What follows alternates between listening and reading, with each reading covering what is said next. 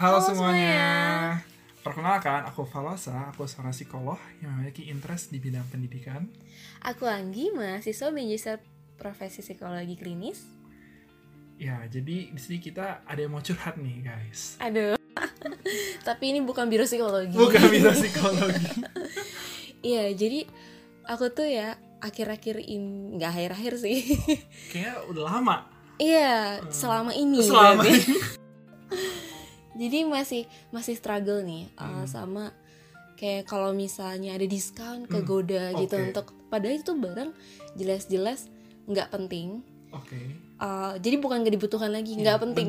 Fungsi aja nggak jelas. Iya. Cuman lucu, iya lucu banget, gemas, tapi dibeli.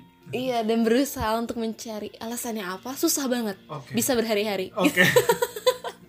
tapi ini tapi ini kenyataan loh nah apalagi di apa masa pandemi ini ya yang mana keuangan semakin meningkat Semakin sangat meningkat kesejahteraan uang ini. iya gitu dan ekonomi nggak krisis Nggak krisis banget, tenang. PHK nggak ada. PHK nggak ada ada. orang gampang banget cari kerja Betul. nah di tengah situasi itu aku masih struggle gitu sama Hmm. tadi gampang tergoda dan bukan di diskon aja sih ya Hmm. maksudnya kalau ada barangnya gemes yang ya menarik lah gitu Ya. itu beli dan keselnya lagi Hmm. dan itu nggak bisa aku apa kendalikan adalah Hmm. ketika aku misalnya nyari yang lain nih padahal Maksudnya? drama Korea Oh, oke. atau misalnya jurnal atau apa Hmm. muncul ada pop up tas yang aku cari selama ini jadi eh, itu keresahan aku akhir Hmm. so, nggak akhir-akhir ini tapi semakin tinggi Semakin keresahannya tinggi keresahannya. Ya, kalau misalkan teman-teman mungkin mengalami hal yang sama, baik itu akhir-akhir ini atau selama ini, itu istilahnya itu namanya impulsif buying. Di mana impulsif buying ini artinya kita membeli sesuatu itu secara impulsif atau tidak terkendali, tidak terencana. Jadi contoh, dan nggak ada pertimbangan yang matang gak ada pertimbangan yang matang kayak misalkan tadi rencananya sih pengen ngerjain tesis atau ngerjain kasus mungkin kalau yang anak profesi gitu ya tapi tiba-tiba pas connect ke internet kok ada iklan lah pip atau enggak shopee itu yang tiba-tiba menunjukkan adanya tas lah Mm-mm. baju lah, parfum lah, jam tangan lah, pokoknya hal yang sebenarnya kita suka, tapi kita nggak berencana untuk beli itu karena yang mungkin sedang ada uang atau segala macam. Eh tiba-tiba, aduh keklik, aduh, aduh masukin rekening, aduh, iya. Jadi baru sadar tuh eh kok ada barangnya nyampe? Kok ada kurir pengiriman barang gitu. iya Nah itu namanya impulsif buying dan itu sebenarnya nggak terbatas pada online doang. Jadi misalkan kayak kita lagi ke supermarket gitu, atau nggak kita lagi ke mall lah ya. Kita ke mall, terusnya kita rencananya ya emang pengen beli obat aja misalkan. atau kan sekarang suka ngerjain tuh di kafe-kafe gitu kafenya kafe, ada di mall Benar, kita masuk untuk ngerjain tugas itu kan di kafe. Hmm, padahal kafenya sebelah lobby tapi keliling dulu Tapi kok udah masuk lobby 20 menit kemudian baru nyampe kafe itu gitu. iya gitu Iya, karena keliling dulu misalkan ada nih pajangan-pajangan yang mungkin tentang fashion lah atau mungkin tentang ya produk-produk yang sebenarnya kita nggak butuh. Mm-mm. Tapi karena ini nyangkut di sana dan akhir loh, kok keluar-keluar bawa jinjingan baru gitu dibandingkan yang sebelumnya. iya dan jadinya waktunya habis udahlah nggak usah ngerjain Nah. Wow, ini kayaknya pengalaman banget. ya orang lain Orang lain. oke berarti itu uh, impulsif buying ya kalau di Yes. di psikologi ya jadi Hmm. emang uh, ekonomi tuh nggak sebatas ekonomi aja Benar. gitu ya finansial tuh tapi Betul. ngaruh juga ke psikologi gitu ya Betul. Jadi ya semua memang semua perilaku manusia itu pada dasarnya kan ada proses di belakangnya. Hmm. dan ya kalau misalkan yang concern dengan proses, Proses mental, mental, hmm. itu berarti ada aspek psikologinya dan eh, tadi ya kalau ngomong-ngomong tentang impulsif buying ini mungkin menjadi suatu hal yang makin berbahaya berbahaya tapi semakin berbahaya terutama di kondisi pandemi ini ya nggak sih Iya, kayak eh, tadi ya, kan rating itu keuangan menaik. Oke teman-teman ini sarkas ya sebenarnya takut ada yang polos. iya oh, Iya jadi eh, krisis lah mungkin menuju krisis ekonomi atau mungkin bahkan udah gitu ya. Hmm. Eh, nah itu tuh jadinya buat aku sendiri gimana ya karena itu kebiasaan Betul. sebelumnya. Jadi dan ini situasi yang unpredictable. Hmm.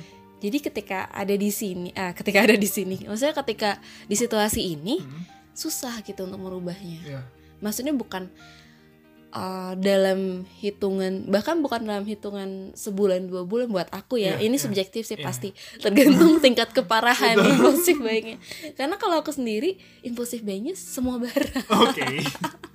Mungkin ada orang-orang yang kategorinya gadget aja nih Iya. kayak Palasa gitu kan. Ya ya. Ya levelnya beda lah Ya, gitu beda. kayak eh keklik gadget 50 juta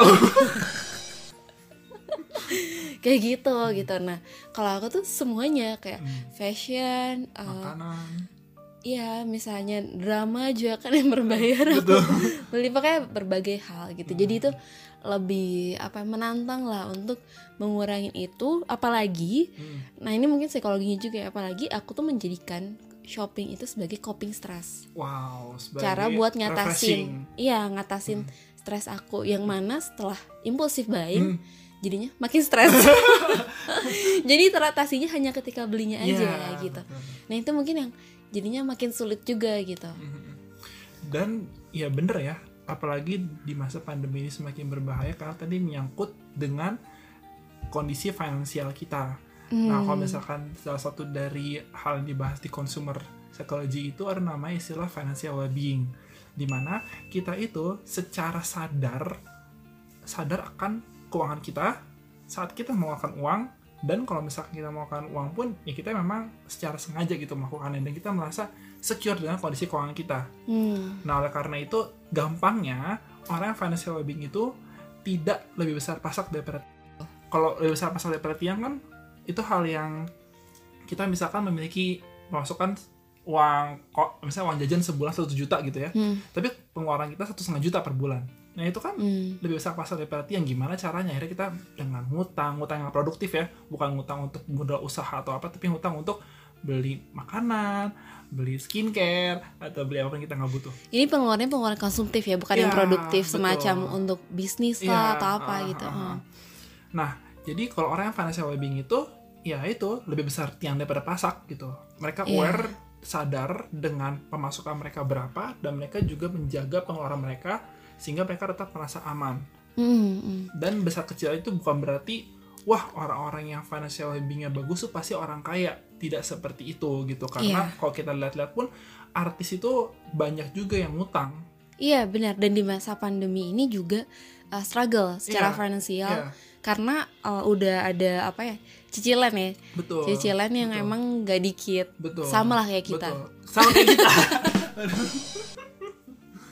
Iya, jadi sebenarnya tadi ya si orang yang financial well-being itu bukan berarti dia orang yang miskin. Eh, yang orang kaya gitu. Iya, ah, ah, gitu. Nah, terus uh, dan mungkin tadi kalau misalnya balik lagi dari uh, kenapa sih orang mungkin impulsif buying gitu ya Mhm. jadinya.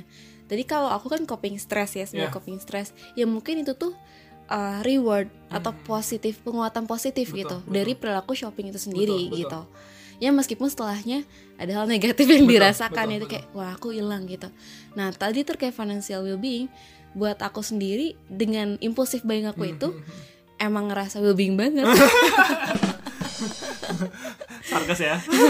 ya ngerasa nggak well-being gitu Iya. Eh, karena bahkan aku tuh sampai nggak siap buat cek saldo Oke. di mana itu tuh harusnya kita aware kan Iya, betul. akan pengeluaran kita gitu ya Betul. ini jadinya menghindari Betul. aku nggak tahu teman-teman yang lain gitu juga nggak ya Hmm. maksudnya jadinya cenderung kita menghindari akan kenyataan terkait finansial kita Betul, betul. gitu Nah, itu kan berarti tidak finansial dan eh, kenapa akhirnya ini bisa menjadi suatu istilah tandanya memang ini ya tidak terjadi pada Anggi doang. Iya, karena aku emang merepresentasikan netizen Nah, kan ya. iya. Jadi kemungkinan jadi banyak banyak orang. Jadi memang bahasan kali ini pun ya harapannya bisa untuk meningkatkan financial well-being kita ya. Jadi emang untuk kita.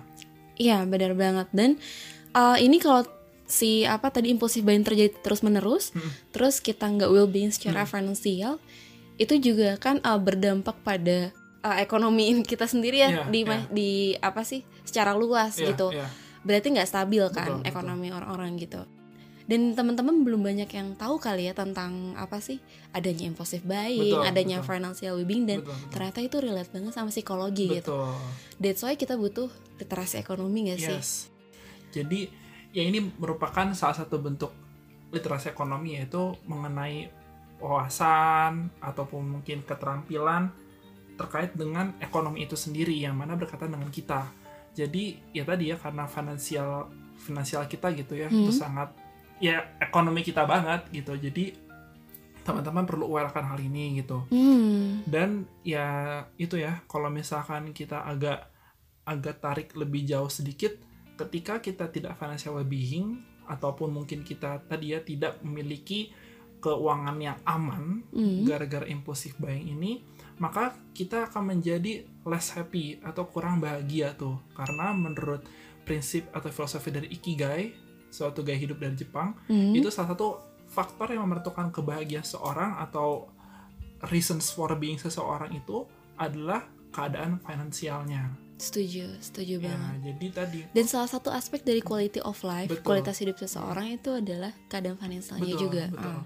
Jadi ya teman-teman bukan berarti kayak ah udahlah kita mah nggak terlalu mikirin itu nggak nggak nggak harus mikirin itu Kebahagiaan nggak bisa dibeli dan uang, Iya. katanya. tapi itu merupakan faktor menentukan kebahagiaan Itu juga bagian dari kebahagiaan. Iya, Iya, iya, gitu. iya, benar-benar.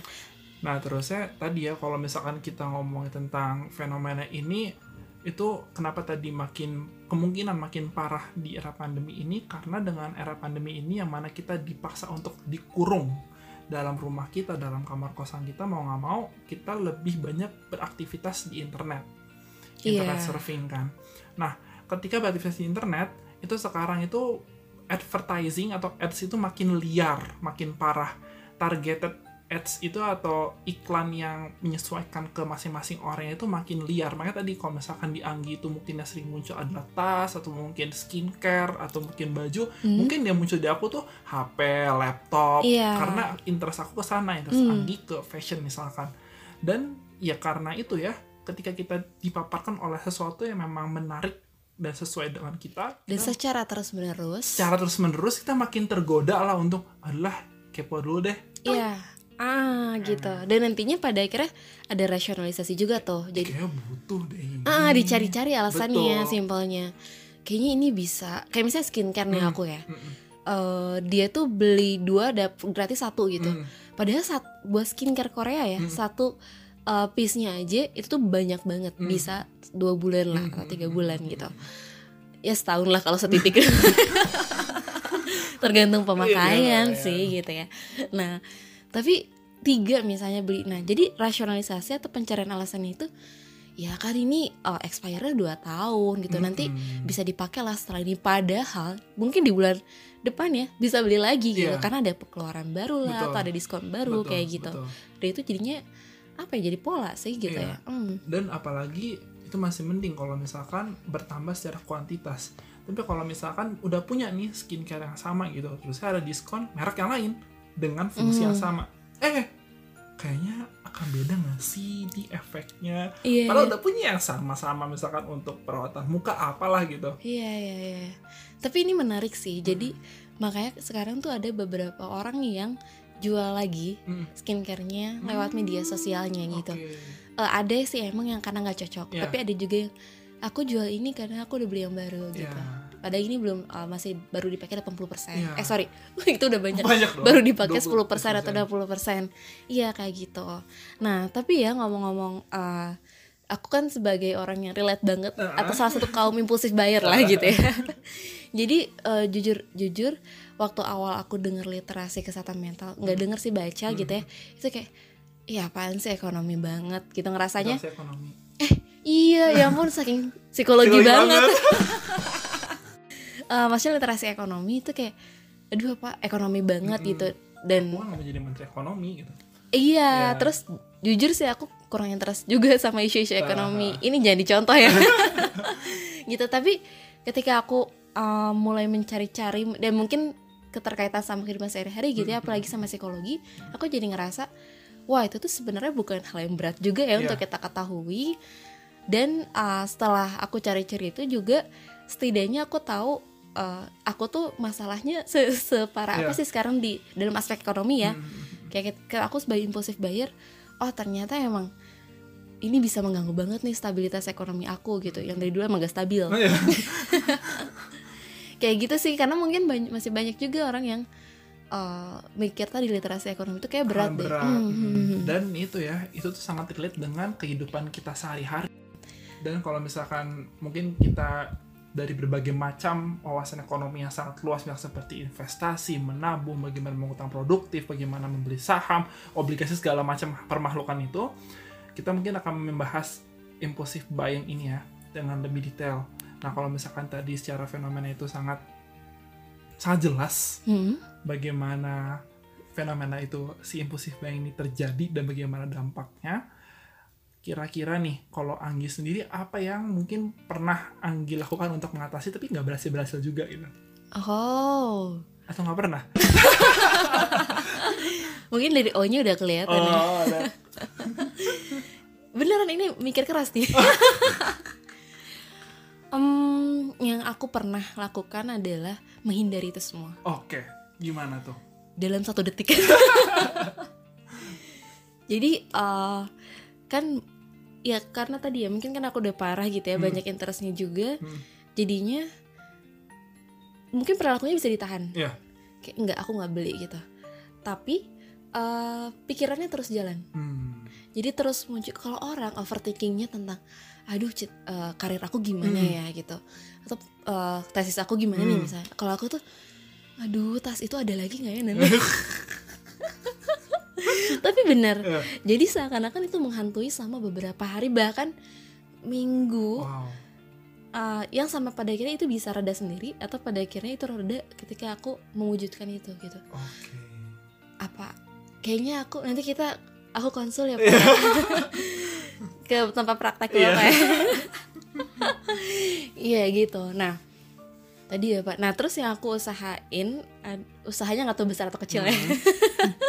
aku coba usahain adalah dengan eh, ya aku yang jelas aku nggak pernah install all shop Oke. sorry bukan nggak pernah tapi nggak pernah bertahan lama kalau install pun iya.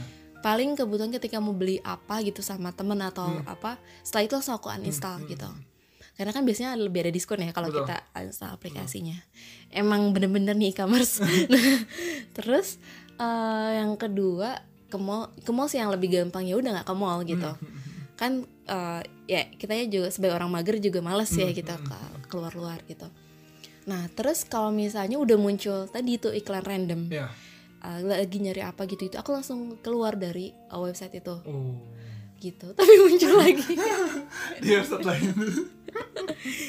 iya uh, cuman ya berusaha fokus lah sama si kontennya kayak gitu sih jadi uh, lebih ke menghindar Iya bener banget. Jadi memang salah satu usaha yang sederhana banget adalah tidak membiarkan kita terpapar oleh stimulus atau tadi ya periklanan itulah atau hal-hal yang dapat menggoda kita untuk Hmm. menjadi impulsif bayar. Jadi memang kalau dalam psikologi sendiri salah satu prinsip dasarnya menurut satu mazhab mazhab ya, banget ya mazhab pendekatan pendekatan itu pendekatan itu adalah eh, SOR atau stimulus organisme respons di mana ketika ada stimulus yang itu mempengaruhi organisme itu kita manusia akhirnya kita akan memberikan respon. Jadi atau perilaku kita misalkan tadi membeli. Hmm, nah jadi membeli itu ya pasti karena ada stimulusnya. Gitu. Dengan kita mengkat rantai itu dan kita memotong stimulus itu dan kita mencegah kita terpapar hmm. oleh iklan segala macam itu ya kemungkinan kita akan tidak menjadi impulsif bayar itu pada saat itu gitu. Jadi iya ya coba banget. aja kita eh, lakukan dengan menghindari hal itu. Hmm, mungkin uh, contohnya di aku lagi. Kayaknya kayak mewakili ya. Yo. Jadi uh, kayak tadi ya stimulusnya itu uh, barang. Ya oke lah tas katakan tas. Iya. karena emang aku sukanya di situ sih. Mhm. tas gitu. Nah terus organisme di diri aku Mhm. udah ada interest banget terkait tas gitu. Dan eh apa sih aku lagi ngerasa mumet sama kegiatan-kegiatan aku gitu. jadi pingin sesuatu yang bikin happy ya, bikin wah ya, gitu. mengatasi stres. Ah, Hmm. kayak gitu. Nah jadinya responsnya adalah yang membeli. Atau eh, kalau nggak bisa membeli jadi stres gitu. Ya. jadi tadi kepikiran-kepikiran Mhm. terus gimana nih tasnya? Kayak gitu sih. Oh. Nah itu dan mungkin selain itu juga kita bisa banget nih dengan memonitor dengan Hmm. mengawasi pengeluaran kita. Jadi tadi kalau misalkan kita takut untuk ngeliat saldo ATM, paksa diri kita untuk ngeliat saldo. Iya. Yang mana kenapa monitoring itu penting? Sebab manusia itu pada dasarnya mungkin kurang lebih 80% lah perilaku kita itu ditentukan atau dipengaruhi oleh kebiasaan atau habit. Iya. Jadi bukan sesuatu yang bener-bener terencana yang emang kita niatkan tapi ya tanpa sadar aja kita lakuin itu gitu. Hmm. Dan ya tadi karena mungkin shopping ini udah ya mungkin kalau awal-awal online shopping kan kita bingung ah mencet apa dulu mencet apa dulu jadi ada kesadaran lebih banyak lah karena berusaha bagaimana untuk bisa memahami caranya dan akhirnya bisa shopping tapi kalau udah kebiasaan ya udah nggak mikir dan ketika nggak mikir itu ya remnya juga nggak ada gitu Hmm. nah untuk mengondisikan itu untuk mengatur itu kita yang sederhana kita pantau lah bagaimana penggunaan keuangan kita gitu sehari-hari. Misalkan kayak kita mengecek saldo setiap tiga hari sekali setiap seminggu sekali untuk melihat oh berapa hari ini aku pengeluaran apa aja ya? Jadi selain dicek saldo kita juga membuat catatan keuangan tuh. Kayak hari ini kita keluarin berapa besok berapa eh berapa setiap hari ya gitu. Dengan itu kita dapat lebih sadar bahwa ih hari ini kok boros ya Hmm. karena kerasa tuh kalau misalkan kita tulis kita catat gitu berapa banyak yang kita keluarkan. Kalau bisa tadi di apa ya dikaitkan juga dengan yaitu saldo kita sekarang gitu. Wah sanggup gak nih bertahan dalam satu bulan dengan Hmm. pengeluaran seperti ini? Kira-kira apa yang bisa dihemat? Dan gitu dan bener-bener yang dicatat tuh literally semua ya. Semua jadi kalau misalkan beli barang tuh bukan barangnya aja yang dicatat tapi ongkirnya Hmm. dan ya itu gitu bener-bener semua aspeknya dicatat gitu kalau misalkan hari dalam sehari-hari itu nggak cuma untuk beli makanan berat doang dicatat tapi bener-bener kayak misalkan Jadi kita punya bill untuk diri kita sendiri iya ya. betul kita emang bener-bener harus membuat catatan yang rapi gitu maka sebenarnya beberapa aplikasi pun sekarang sudah mulai bergerak untuk membantu kita di Banyak bidang itu banget sih. Benar, udah Hmm. makin banyak lah aplikasi untuk monitoring finance gitu. Jadi mereka yang mengingatkan kita untuk membuat record Hmm. catatan tentang bagaimana pengeluaran kita, pemasukan kita, dan mungkin perencanaan kayak kita menabung sebulan let's say 150 ribu itu Iya. bisa nggak terlaksana atau enggak Hmm, gitu gitu. bahkan ada reminder gitu. Jadi Betul, kalau udah betul. mendekati limit Hmm, dikasih notification. Ya, Hmm. ini kamu tinggal 250 ribu lagi nih. Dolar. kamu. Untuk setahun wow. Iya gitu, jadi tinggal misalnya 250 ribu lagi nih gitu. Hmm. sedangkan masih ada dua minggu gimana nih ya gitu gitulah Hmm, hmm, jadi hmm. itu yang membuat kita akan lebih aware Iya, dan lebih sadar setuju setuju. Dan bahkan eh, kita bisa buat untuk eh, preventifnya juga perencanaan ya. betul Perencanaan yang mungkin ini lebih berat Hmm, dijalaninya betul, betul. daripada yang lain. betul Karena kalau cek saldo bisa lah Iya. gitu ya. Eh, at least kan cek saldo atau tadi ngitung. Cuman perencanaan ini buat aku pribadi Hmm, hmm. sebagai orang yang rajin banget, Hmm, mager maksudnya itu sesuatu yang cukup susah gitu. hmm. Kayak untuk direncanakan misalnya bulan ini apa aja ya karena ada beberapa hal yang hmm, aku nggak belum prediksikan itu Hmm, hmm. gitu yang pada akhirnya ya nggak sesuai rencana lagi. Ya jadi perencanaan membuat perencanaan keuangan jujur itu cukup berat sih buat Hmm, aku gitu. Jadi eh, gimana ya tuh kira-kira? Mungkin hal yang sangat sederhana yang bisa dilakukan adalah kita kembali ke zaman primitif. Uang ini misalkan tadi ya di rekening kita ada tuh uang bulanan misalnya satu juta lah ya. Hmm, ada uang bulanan satu juta. Nah kita harus mengalokasikan emergency fund sama kalau bisa sih sama tabungan ya. Nah let's say emergency fund kita alokasikan per bulan 100 ribu. Tabungan hmm. misalkan 50 ribu. Nah kita ambil 150 ribu itu dari re- ya rekening kita dan kita taruh di kamar kita misalkan di kotak atau apa gitu jadi benar-benar yang tersembunyi. iya yang ya. fisik itu hal yang fisik yang tadi untuk kita taruh dan kita nggak boleh ngebuka itu Iya. Meskipun kita tahu itu Iya. gitu.